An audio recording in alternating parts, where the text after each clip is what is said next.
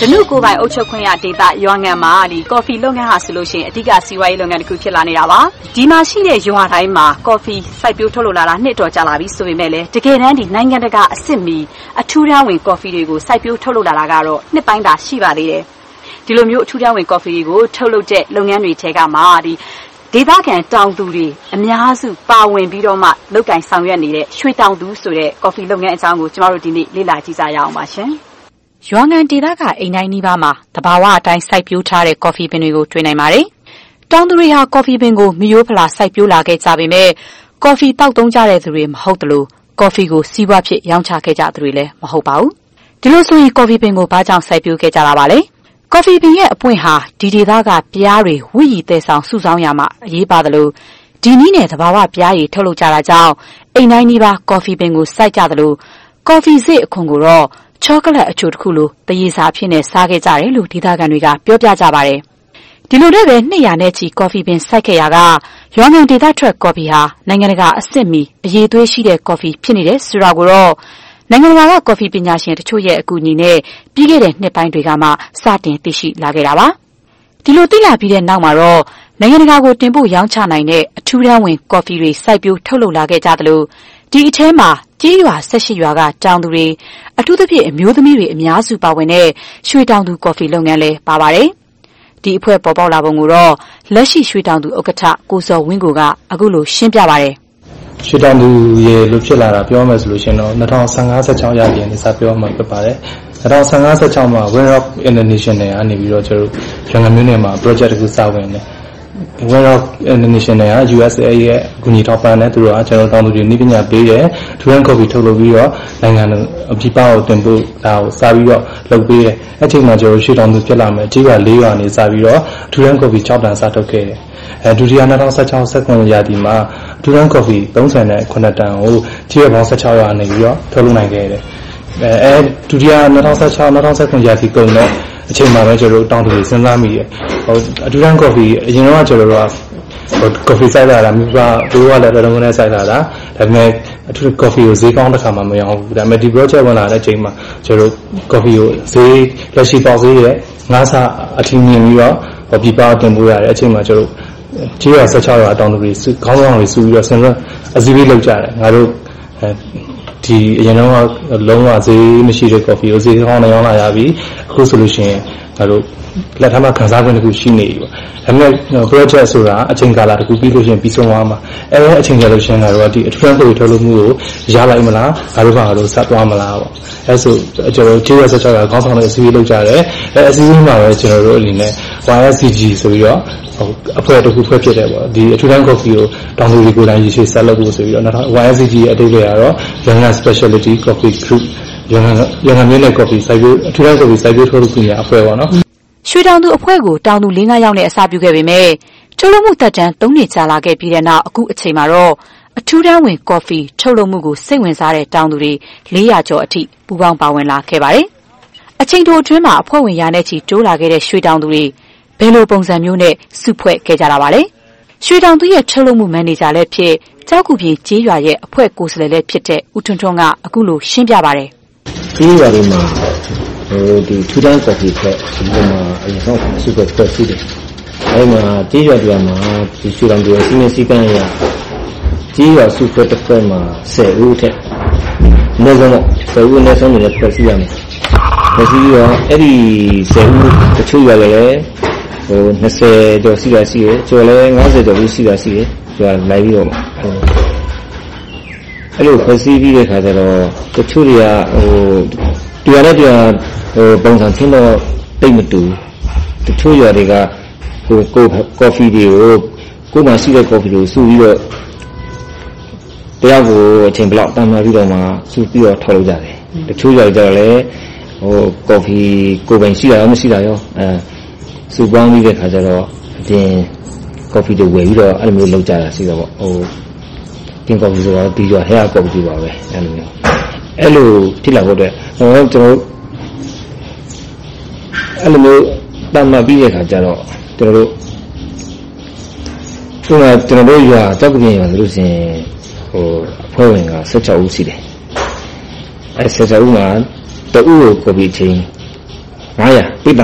900ဆိုပြီးတော့မှကျွန်တော်လုပ်ကြတယ်ပြီးတော့ပိတ္တ900ကနေပိုလာတဲ့နောက်နောက်ကလူလာတဲ့ကျွန်တော်တို့တက်ကက်ကဒီနှစ်ဆိုရင်ကျွန်တော်တို့9တန်ထုတ်မယ်ဆိုပြီးတော့မှကျွန်တော်တို့တက်ကက်ချထားတယ် အဲ့တော့16ဦးကနေပြီးတော့မှအချိန်ဟို900စီစုပြီးတော့မှတ်ထားပြီး9တန်တည်းလိုအပ်တာဟာကိုရွာဟဲ့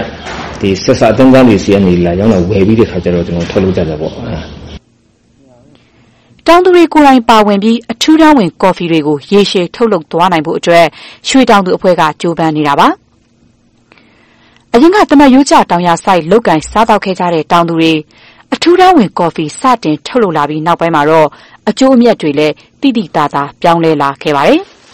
ကျွန်မအခုရောက်နေတဲ့နေရာကတော့ရွှေတောင်သူကော်ဖီလုပ်ငန်းတွေထဲမှာတစ်ခုအပါဝင်ဖြစ်တဲ့ဒီရွာပေါင်း၁၈ရွာတွေကတရွာပေါ့နော်။ကြောက်ကူပြင်ရွာမှာဖြစ်ပါတယ်။ဒီကြောက်ကူပြင်ရွာကတော့ဒီရွှေတောင်သူကော်ဖီလုပ်ငန်းအတွက်တစ်နှစ်ကိုကော်ဖီတန်ချိန်၄တန်လောက်ကိုထုတ်လုပ်ပေးနေတဲ့ရွာဖြစ်ပါတယ်။ဒီရွာက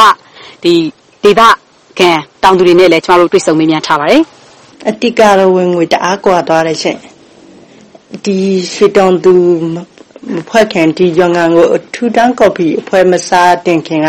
ဒေတာပေါ့ဆေးရတပိုက်တာ400လောက်ပဲရှိတယ်ရှင်စုခုတဲ့လောက်အခတ်တော်တာလေးပေါ့အခုအဲ့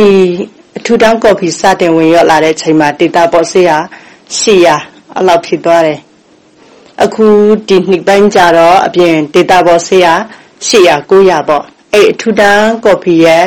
တပိုက်တာတန်ဖိုးက1200အဲ့လောက်ကွာသွားတယ်ရှင် အဖွဲ့ဝင်400ကျော်ရှိတဲ့ ရွှေတောင်သူအဖွဲ့ရဲ့60ရာခိုင်နှုန်းက အမျိုးသမီးတွေပါ။အထူးတန်းဝင် ကော်ဖီထုတ်လုပ်နိုင်တဲ့အတွက် အကျိုးအမြတ် ဝင်ငွေတိတိသားသားပြောင်းလဲလာတာက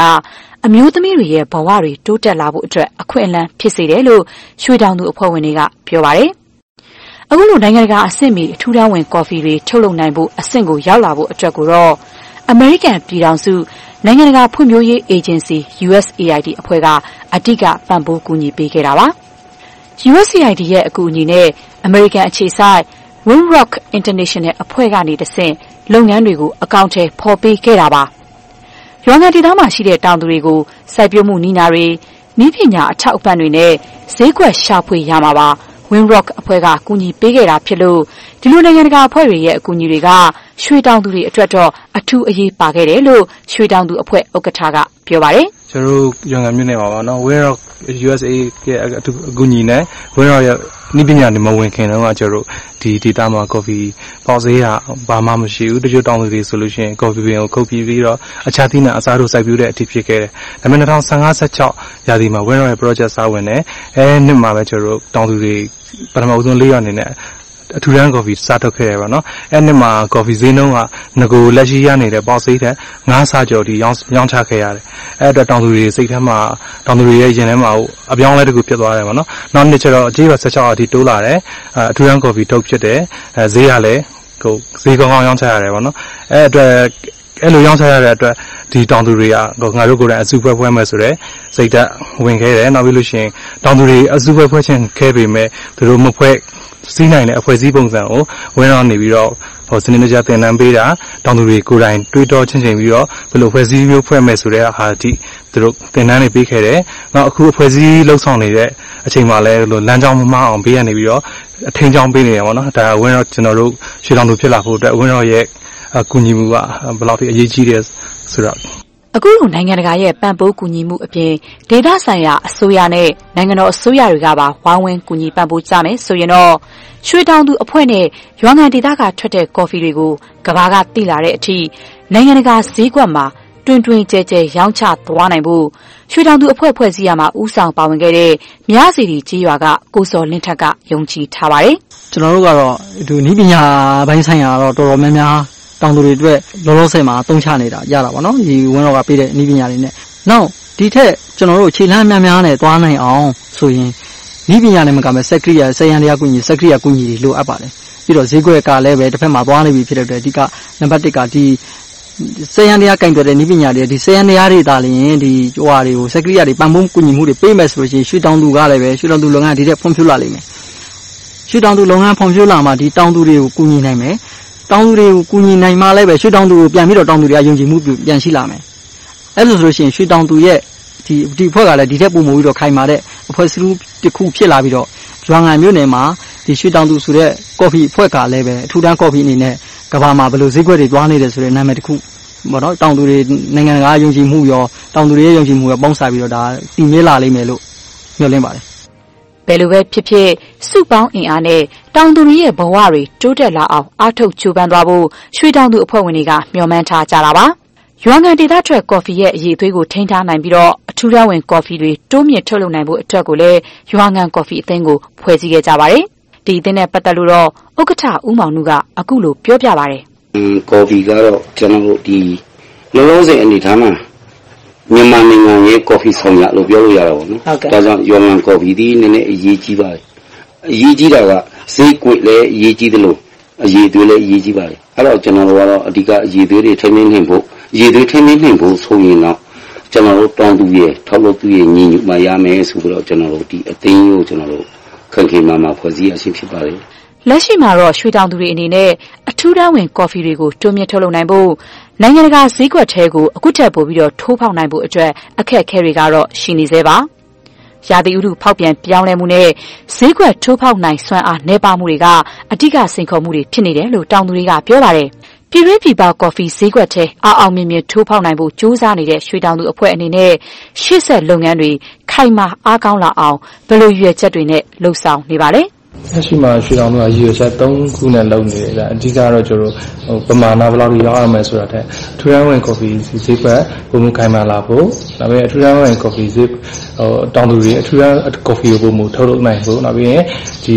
ကြေးရွာမှာရှိတဲ့ကျွန်တော်တို့ရွှေတောင်သူဖွဲ့ဝင်ကြေးရွာတွေမှာရှိတဲ့ကော်ဖီနဲ့ပတ်သက်တဲ့အခက်အခဲတွေကိုဒီရွှေတောင်သူဖွဲ့နေပြီးတော့ဖြေရှင်းနိုင်ဖို့ဆိုရည်ရွယ်ချက်၃ခုနဲ့လုပ်နေတယ်ဒီဘယ်လောက်ကြီးကြီးထွားလာမလဲဆိုတာတော့ကျွန်တော်တို့ ကျွန်တော်တို့တောင်သူဖွဲ့ဖြစ်တဲ့အလုတ်ကမှအစားလုပ်တဲ့အဖွဲ့ဖြစ်တဲ့အတွက်ဖြည်းဖြည်းနဲ့ရှေ့ကိုတိုးသွားရမှာပါရွှေတောင်သူအစုအဖွဲ့အနေနဲ့နိုင်ငံတကာအဆင့်မီအရေးသွေးရှိတဲ့ဒီအထူးတန်းဝင်ကော်ဖီစစ်တွေကိုစိုက်ပျိုးထုတ်လုပ်တဲ့အဆင့်ကိုရောက်နေပြီဆိုပေမဲ့လည်းဒီကိုယ်တိုင် ကြိတ်ခွဲပြီးတော့ ထုတ်ပိုးတဲ့ အခြေအနေကို ရောက်ဖို့အတွက်ကတော့ ကြိုးစားနေရဆဲပဲဖြစ်ပါတယ်။ဤပညာအကူအညီတွေ စက်ရန်တရား အကူအညီတွေသာ ရမယ်ဆိုရင်တော့ ဒီထက်မက တိုးတက်တဲ့ လုပ်ငန်းတွေ ဆောင်ရွက်နိုင်ဖို့အတွက်လည်း မျှော်လင့်ထားကြတာပါ။အခုလက်ရှိမှာကတော့ဒီအမေရိကန်ပြည်ထောင်စုနဲ့ ကနေဒါလို နိုင်ငံကြီးတွေ အပါအဝင် နိုင်ငံပေါင်း14နိုင်ငံကို ရွှေတောင်သူရဲ့ဒီကော်ဖီတွေကို တင်ပို့ရောင်းချနေတာ ဖြစ်ပါတယ်။